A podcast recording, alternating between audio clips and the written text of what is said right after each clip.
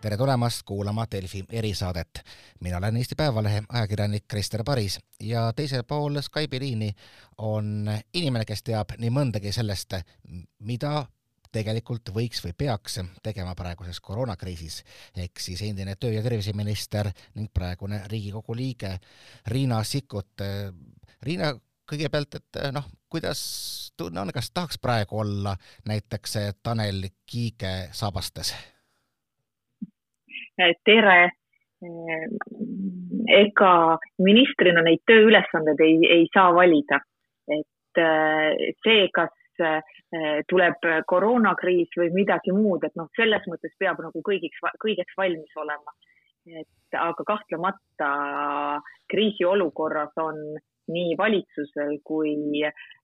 tervishoiutöötajal, tervis, töötajatel, Terviseamet, ametil, äh, teistel, kes kriisi lahendamisega kokku puutuvad, väga, ma arvan, nii emotsionaalselt keeruline kui suure töökoormusega aeg. nii et äh, jõudu kõigile, kes kriisi lahendamisega igapäevaselt tegelevad. no mis tundega teie neid numbreid praegu vaatate, et teine koht Tšehhi järel, nakatumisnäitajad lähevad üles, samas ma saan aru, et ega suurem osa mudeleid vist ka näitas seda, et, et nii täpselt hakkabki, hakkabki juhtuma meil seni on ju äh, väga hästi läinud, et äh, eelmise kevade kogemus, ma arvan, oli lõpuks paljudele kergendus, et võrreldes teiste riikidega me äh, niimoodi pääsesime. aga nüüd eks me kõik neid numbreid, et noh, kui sellised sümboolsed suurused tulevad nakatunute arvus, nagu olid viissada ja tuhat ja eks see ehmatab kõiki, et on näha, et see trend on praegu kasvav, kiiresti kasvav ja küsimus on, et kas ja kuidas me selle kontrolli alla saame. kuidas teile tundub, kas valitsus ses mõttes lähtub ikkagi jätkuvalt nii-öelda kõvadest numbritest, mudelitest ja kõigest muust, et just nagu tulevad need ehmatused, on hästi kerge mingi hetk teha samme, mis just nagu peaksid rahustama, aga mis on võib-olla varasemate poliitikatega risti vastuolus, et ehkki või tõesti võib-olla mudel näitas kolm nädalat ette, et me saame need numbrid, midagi ei astunud ja siis nüüd hakata kiiresti rapsima ja tegema midagi muud, et kuidas praegune valitsus selle koha pealt hakkama saanud on? nüüd ega me tähistamegi enam-vähem ju kriisiaasta täitumist. arusaadavalt kevadel oli Eh, ehmatus, kõigi jaoks uus olukord, kogu maailma jaoks selline sulgumine ja kiiresti reageerimine. just see, et see kriis nii totaalne oli, et ta ei olnud kuidagi riigi või regiooni spetsiifiline. ja siis sellist eh, hüplikust ja ümbermõtlemist võib-olla eh, sai nagu paremini mõista ja ega mina, ma ei taha ka kuidagi olla nagu ülemäära kriitiline, et noh, eks kriisi juhib kriisijuht ja kõigil kõrvalseisjatel on alati väga palju häid mõtteid ja nõuandeid. et kriisijuht saab otsustada, mis on see, mida ta arvesse võtab või mida ta oluliseks peab, kas on midagi sellist, mis tegelikult tema siis otsuseid võib mõjutada ja valitsusel kahtlemata nii eelmisel kui praegusel valitsusel ongi võimalik ju kaasata riigi kõige targemad pead. Neil on kõige parem informatsioon selle kohta, mis Eestis toimub. Et, et noh, ja, ja unikaalne olukord ja noh, ühelt poolt me peaksimegi usaldama, et, et äh, valitsus tuleb selle, et nemad on kõige paremas positsioonis seda kriisi lahendama. samas äh, ükskõik millises positsioonis siis äh, inimene on, tekib mingisugune selline rajasõltuvus või sa kuidagi oma rolli või oma situatsiooni näed sellisena, mida saab nagu teistele üldistada või kipud kõhutunnet usaldama võib-olla et siis äh, on minu meelest väga mõistlik ongi astuda samm tagasi ja küsida selliseid noh, loogilisi küsimusi, et mitte teha nii palju lihtsustusi äh, ka kriisi lahendamisel, kui, kui pigem äh, kahelda või, või olla skeptiline. noh, näiteks sellist mm -hmm. jah, et ma mõtlen, kas, kas, kas te pidasite silmas umbes neid kõhutunde asju, et ma ei tea, et mina ju hoian äh, distantsi, järelikult pole rohkem piiranguid vaja või et minu sugulased on põdenud koroonat kergesti, järelikult pole midagi hullu? no ja täpselt või siis see, et äh, noh, et piirangud on majandusele väga kahjulikud, seega väldime piiranguid, et noh, kas, kas nüüd aasta aega selline venimine või, või selline kuidagi majandusel piduri peal hoidmine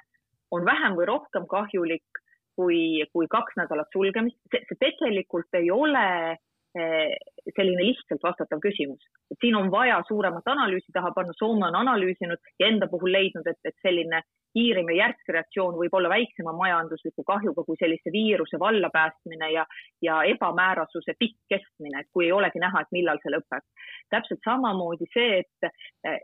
me kui näiteks kõigi piirangute ja nendega soovi, käitumislike soovitustega kontaktide vähendamise kohta, eh, see, et valitsuse liikmel eh, või sinul või minul on võimalik noh, praegu teha tööd video vahendusel, see ei tähenda, et kõigil on võimalik kaugtööle jääda. see, et sinul või minul näiteks noh, kui on soovitus kontakte vältida, jätame ühistranspordi kasutamata, sõidame autoga. see variant ei ole kõigil olemas et noh, kõik need soovitused tegelikult kõigi inimeste eludesse ei sobi. inimesel võib olla väga hea tahe, ta võib desinfitseerida käsi, ta võib kanda maski, olla väga hoolikas, aga oma töö iseloomust ja, ja elukorraldusest tulenevalt ta ei saa kontakte vältida. no kuni me lõpuks ta, jõuame, jõuame, kuni me lõpuks täpselt jõuame selleni välja, et, et, et kui meil on nii-öelda koroona pealinnaks Maardu, siis Maardu inimesed peavad sõitma ühistranspordiga Tallinnasse Lauluväljakule, et ennast testida. jah, jah, täpselt, et, et noh, sellised situatsioonid, mille puhul, kui sul endal seda kogemust ei ole või sinu elu on teistsugune, võib-olla ongi väga keeruline kõiki neid võimalikke mustreid ette näha ja aru saada, et, et kas ja kuidas on piirangut võimalik jälgida või järgida ja, ja mis selline ma ei oska öelda, selline valitsusliikmete, nii endise kui praeguse valitsuse puhul, selline käibeväljund, me otsime tasakaalu noh, nagu avatuse ja suletuse vahel või avatuse ja piirangute vahel. noh, mis mind paneb kuidagi kergelt muigama, et noh, et, et mis see siis, see tegelikult nagu ei ütle mitte midagi sest see korduv küsimus, et mis on eesmärk ja nüüd me oleme kuulnud, et eesmärk on äh, haiglate ülekoormuse vältimine, mis tegelikult nagu loogiline, ei olegi nagu midagi vastu, ega me ei taha ju, et haiglad ülekoormuse alla saaks, et plaaniline ravi katkeks, kõik tundub õige. aga kui eesmärk on haiglate ülekoormuse vältimine, siis tegelikult me peaks ju ressursid suunama selle eesmärgi täitmisesse. see tähendab, et sa hakkad haiglate voodikohtade arvu suurendama, sa hakkad inimesi koolitama, et oleks neid meedikuid, kes saaksid Covid äh, patsientidele abi pakkuda. aga tegelikult me ju seda sellises mahus ei tee. meie tegelik poliitika on kontaktide vähendamisele suunatud. nii et noh, sellised ebakõlad, et kui tõesti on suur eesmärk maksimaalselt kontakte vähendada, et R hoida madalal ja äh, viirus kontrolli all või nakatunute arv vähenemas, siis see on hoopis teine noh, nagu olukord, et see tähendab, et kõik piirangud peaks olema suunatud kontaktide vähendamisele ja siis me jõuame selleni, et kas lahti ja kinni kaubanduskeskused, muuseumid, koolid, kaugtöö võimalused, kõik sellised asjad. et, et see, et on selgelt sõnastatud eesmärk inimestele, valitsusele endale, kõigile neile, kes kriisi lahendamisega tegelevad, ei ole kuidagi triviaalne küsimus et ei ole midagi, et seal tuleb öelda välja midagi enesestmõistetavat, millele kõik kaasa noogutavad. et noh, kriisijuhtimise puhul eesmärk ongi midagi sellist, millele siis suunatakse see pingutus ja olemasolevad ressursid, mille suunas liikumist mõõdetakse, et noh, selline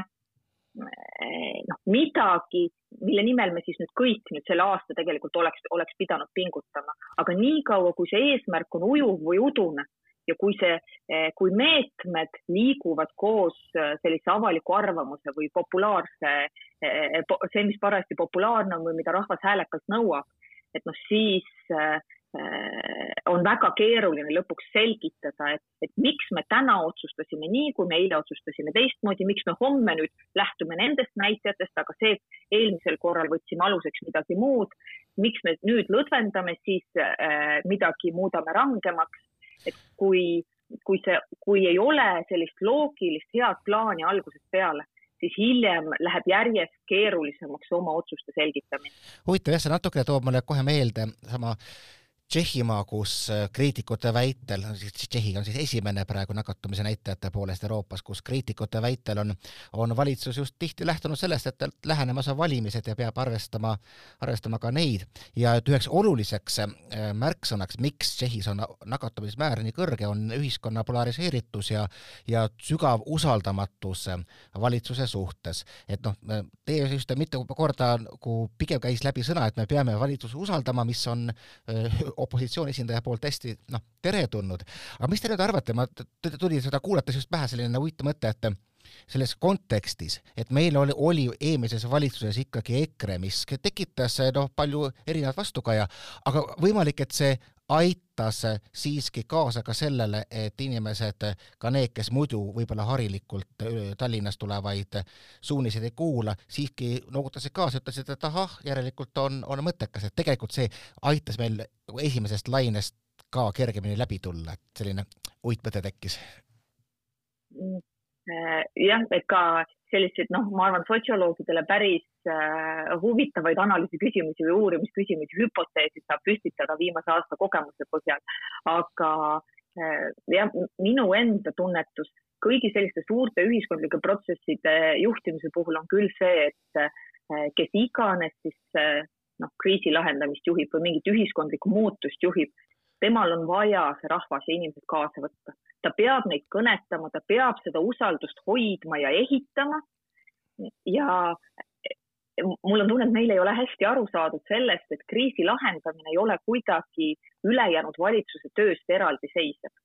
et, et see, kui sa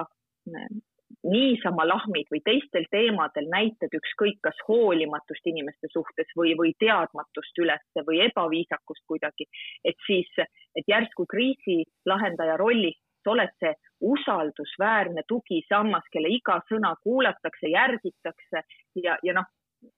see, sellist pööret ei saa teha, et see valitsuse kuvand on valitsuse kuvand ja seda kõik sammud, mida tehakse, tegelikult peaksid toetama seda, et oleks võimalik seda kriisi äh, hästi lahendada. ja äh, selle plaani juurde äh, tulen veel korra tagasi, et nii nagu noh, meie räägime sellest tasakaalu otsimist avatuse ja suletuse vahel, et mis minu jaoks on nagu kõige noh, nagu tegelikult see oluline küsimus, kus tasakaalu tuleb otsida, on see eh, selge eesmärk ja kindel plaan, mida siis inimestele ka selgitada olukorras, kus teadmised viiruse leviku kohta,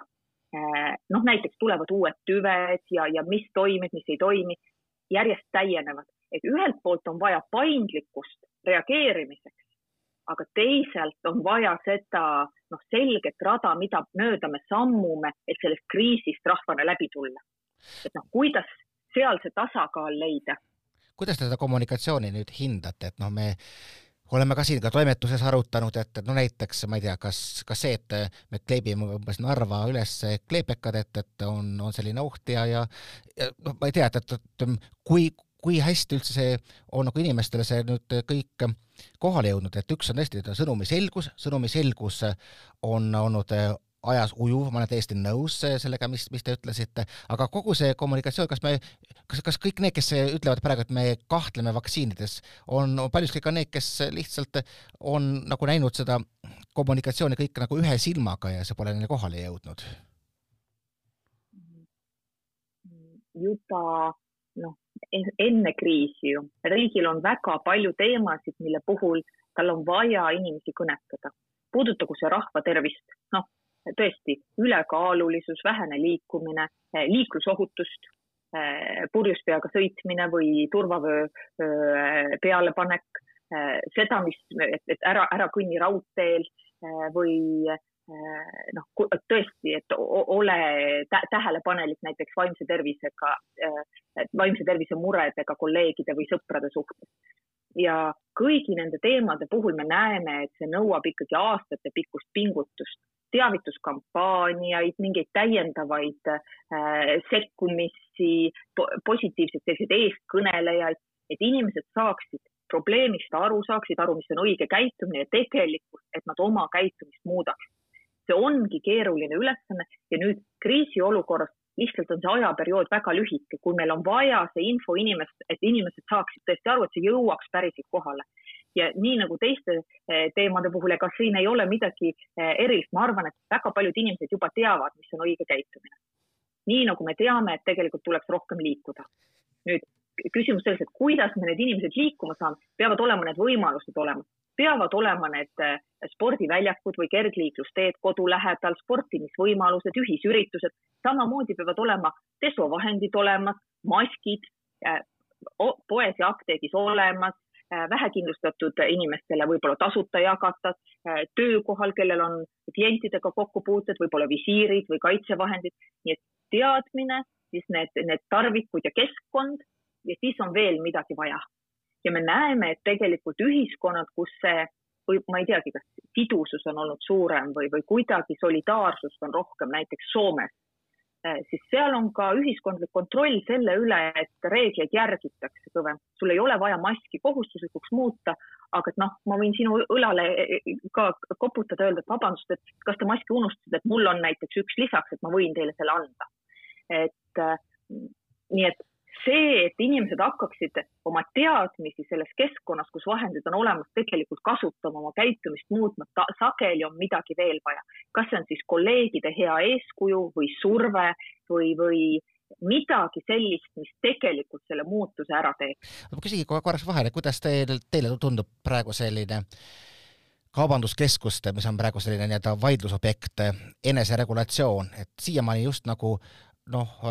kuidagi tehti nägu, et, et see neid ei puuduta, kui tuli otseselt sulgemisoht, siis ilmusid eile turvamehed väravatele, oleme näinud värvikaid kaadreid, kuidas inimesi maha väänatakse, olen, olen ise näinud turvamehi, kes jagavad maske, väga palju seletamist, igal juhul järsku on nagu jõudnud kriis sinnani, aga et, et kui järsku hakkas siis riik ütleme, et aga demonstreerige palun, et te ka päriselt, päriselt vastutate, kuidas te sellele pildile vaatate? No kõigepealt eh, jagan oma detsembrikuist üllatust, ma olin, ma olin parasjagu autoroolis Vikerraadios eh,. ma arvan, et oli Mailis Reps, igatahes keegi valitsusliikmetest selgitas järjekordset kokkulepet, piirang, selline ilus kirjeldus ka sellest, kuidas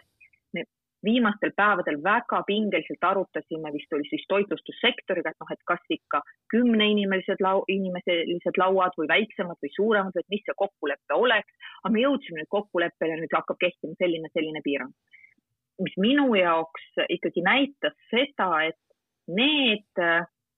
sektorid või need inimeste rühmad kes, kellel on valitsuse ligipääs, kes suudavad oma huvide eest paremini seista, nad saavad piirangutes kuidagi soodsamad tingimused. noh, ja see, seda saab laiendada ka kaubanduskeskustele, kes seni, kelle puhult võib-olla ei nõutud siis seda suuremat järelevalvet või maskide pakkumist või äh, valitsuse poolt seatud piirangute jõustamist.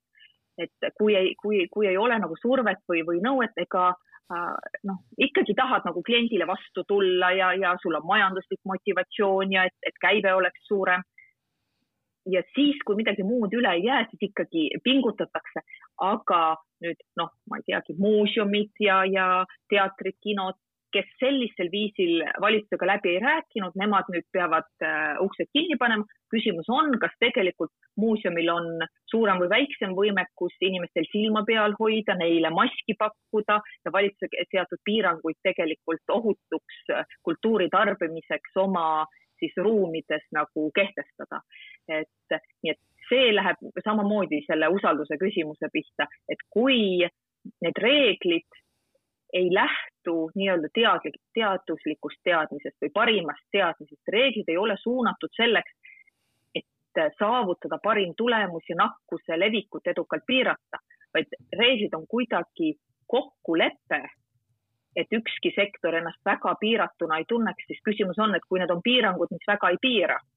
et kas siis on mõistlik neid rakendada ja et, et kuidas seda ebavõrdsust siis selgitada või seda tõrksust või pahameelt äh, maandada, kui keegi tunneb, et äh, temale on liiga tehtud või tema häält ei ole kuulda võetud. et seetõttu see äh, plaan võiks, mida me ühes või teises olukorras teeme, peaks olema koostatud noh, umbmääraselt, nii-öelda umbmääraselt, et ei ole vahet, millist töökollektiivi, inimest, sektorit see puudutab, kui nakkusnäitajad või midagi muud, midagi objektiivset ütleb, et on mõistlik kontaktide vähendamiseks kehtestada piirangud või midagi sulgeda, siis tuleb seda teha. ehk siis kõigil oleks mänguvali ette teada, oleks teada, et reeglid on ühesugused ja eks näiteks piirangutega käib kaasas mingis mahus kompensatsioon ja samamoodi kompensatsiooni saamine ei sõltu sellest, kui kõva häält sa teed või kui rahulolematu sa oled. Või, või, või, või, või, või, või kui palju oled sa valitsusparteidele raha andnud? jah, täpselt või, või kui palju sa oled raha andnud kellelegi, et, et see selline nagu võrdne kohtlemine ja läbipaistvus, ma arvan, sellel on kriisiolukorras palju suurem väärtus, kui me ette kujutame ja isegi kui me kevadel võisime arvata, et noh, tead, kriisimeetmed, no rakendame ükskord suure hooga ära, peaasi, et see raha saab ära kulutatud, siis nüüd me näeme, et nüüd saab aasta täis. Noh, me vaktsineerimisega oleme seal, kus me oleme, et noh, siin teine aasta tiksub ju veel peale, et me räägime väga pikast kriisiperioodist ja, ja meie kõigi jaoks oleks parem ja viiruse leviku piiramiseks ilmselt palju tulemuslikum kui reeglid oleksid äh, ühesugused, mõistetavad, läbipaistvad, mida tajutakse ausana. et äh, muidu äh, sellise kehva kommunikatsiooni ja riskide maandamise peale läheb nii suur energia ja aur ära, et midagi muud ei jõuagi suurt teha. Te kirjutasite laupäeval ka meil Päevalehes teemal, mina võtaks kokku niimoodi märksõna alla ka need nagu nähtamatud ohvrid ehk näiteks ka inimesed, kellel puudubki jõud häält teha, kes on üksikud ehk siis FIE-d, füüsilised isikust ettevõtjad, kes võib-olla ka kaotasid kevadel võimaluse makse maksta ja nüüd tänu sellele jäävad üldse ilma ka, ka võimalikest hüvitistest siis uue, uue laine puhul, et, et mis, mis te näete, et mis on need sektorid, mis on nagu kõige või need inimesed või need grupid, kes kõige rohkem pihta saanud, et noh, me kõik räägime, et see horekasektor, turism, toitlustus, arusaadav, aga ilmselt on veel äh, selle jää all neid, kes, kes täpselt ei, ei jõuagi kuskile väga äh, nähtavale. vot ja see ja tegelikult see, sa küsid, et mis need sektorid või, või inimeste rühmad on, aga see ongi, et neid ei saa niimoodi hästi piiritleda, et kui meil oleks teada, et on veel mõni sektor või äh, mingi ametirühma esindajad, kes kriisis pihta saavad, siis me saaks neile meetmeid suunata. aga see, mida ma räägin, et riik peaks olema hea või hooliv või tähelepanelik, arvestav, tähendabki seda, et neid äh, elusid on nii kirjuid ja neid mustreid on nii erinevaid, et me ei suuda seda ühe-kahe-kolme kriteeriumiga kokku võtta nii et ka need äh,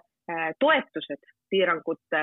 mõju leevendamiseks peaks olema sellised, mis tegelikult äh, sobiksid väga paljudele abivajajatele, just neile inimestele, äh, kellel on vaja see kriis üle elada. et noh, tõesti FIE puhul, kui tema sotsiaalmaksu maksmine sõltub sellest, kui palju temal käivet on ja, ja kui ta oli majutuses, toitlustuses, ei, ei maksnud sotsiaalmaksu, siis praeguste reeglite järgi noh, ta ei saa enam haigushüvitist, mida eelmise kalendriaasta põhjal, kui makstakse et eh, eh, samamoodi võõrsilt naasjad, et inimesed, kes välismaal töötasid, eh, kas nad plaanisidki laste kooli panekuks Eestisse tagasi tulla või nüüd kriisi tõttu otsustasid, et tõesti, et Eestis on kriis võib-olla mõistlikum üle elada. et siis nad võivad ka siin töötada, aga peavad nad siis jääma karantiinilehele, lapsehooldus, hoolduslehele või, või nakkuse tõttu koju või mõne teise tõve tõttu koju, siis täpselt samamoodi neil ei ole seda sotsiaalmaksu ajalugu, kuigi noh, Euroopa Liidus tegelikult me ju nii pensionikohustusi kui muid õigusi me riikide vahel ka saame liigutada ja arvet pidada ja kriisi ajal võiks olla nii inimeste suhtes äh, lahkem või mõistlikum, kui ka tõesti pidada silmas, et see, kui äh, lähikontaktne või koroonapositiivne inimene ei lähe sissetuleku kaotuse hirmus tööle olukorras, kus ta ei tohiks seda teha. et sellises olukorras palju heldem haigushüvitis, mis võimaldab inimesel äh, toimetulekuraskuseta kodus olla on tegelikult meile kõigile kasulik no,. ta kõrva... ei ole ka väga kulukas meede mm. -hmm. ma kõrvaseisjana just vaatan, et, et tundub, et hästi palju riigisüsteeme on üles ehitatud eeldusel, et on piisav hulk pettureid ja, ja kõik need safeguard'id on seal sees selleks, et, et inimesed ei saaks petta ja see rahuajal võib-olla ka hästi toimib, noh praegu ütleme, et me oleme ikkagi viirusega mõnes mõttes sõjas ja võib-olla vaja on teistsuguseid meetmeid. Ja ma tean, et noh, Ameerikas on juba jagatud inimestele kätte lihtsalt raha, et kulutage nagu tahate ja panna, hoidke majandust käimas. praegu on uus abipakett kongressis noh, pigem takerdunud, aga et noh, ma ei tea, kas, kas, kas, kas see oleks üks lahendus, et me mitte ei, ei loodagi riiklikele süsteemidele, vaid, vaid anname tuge nii, et siis tõesti ka need, kes ühegi kategooria alla ei mahu, saaksid oma sellise elementaarse õngeridva kätte?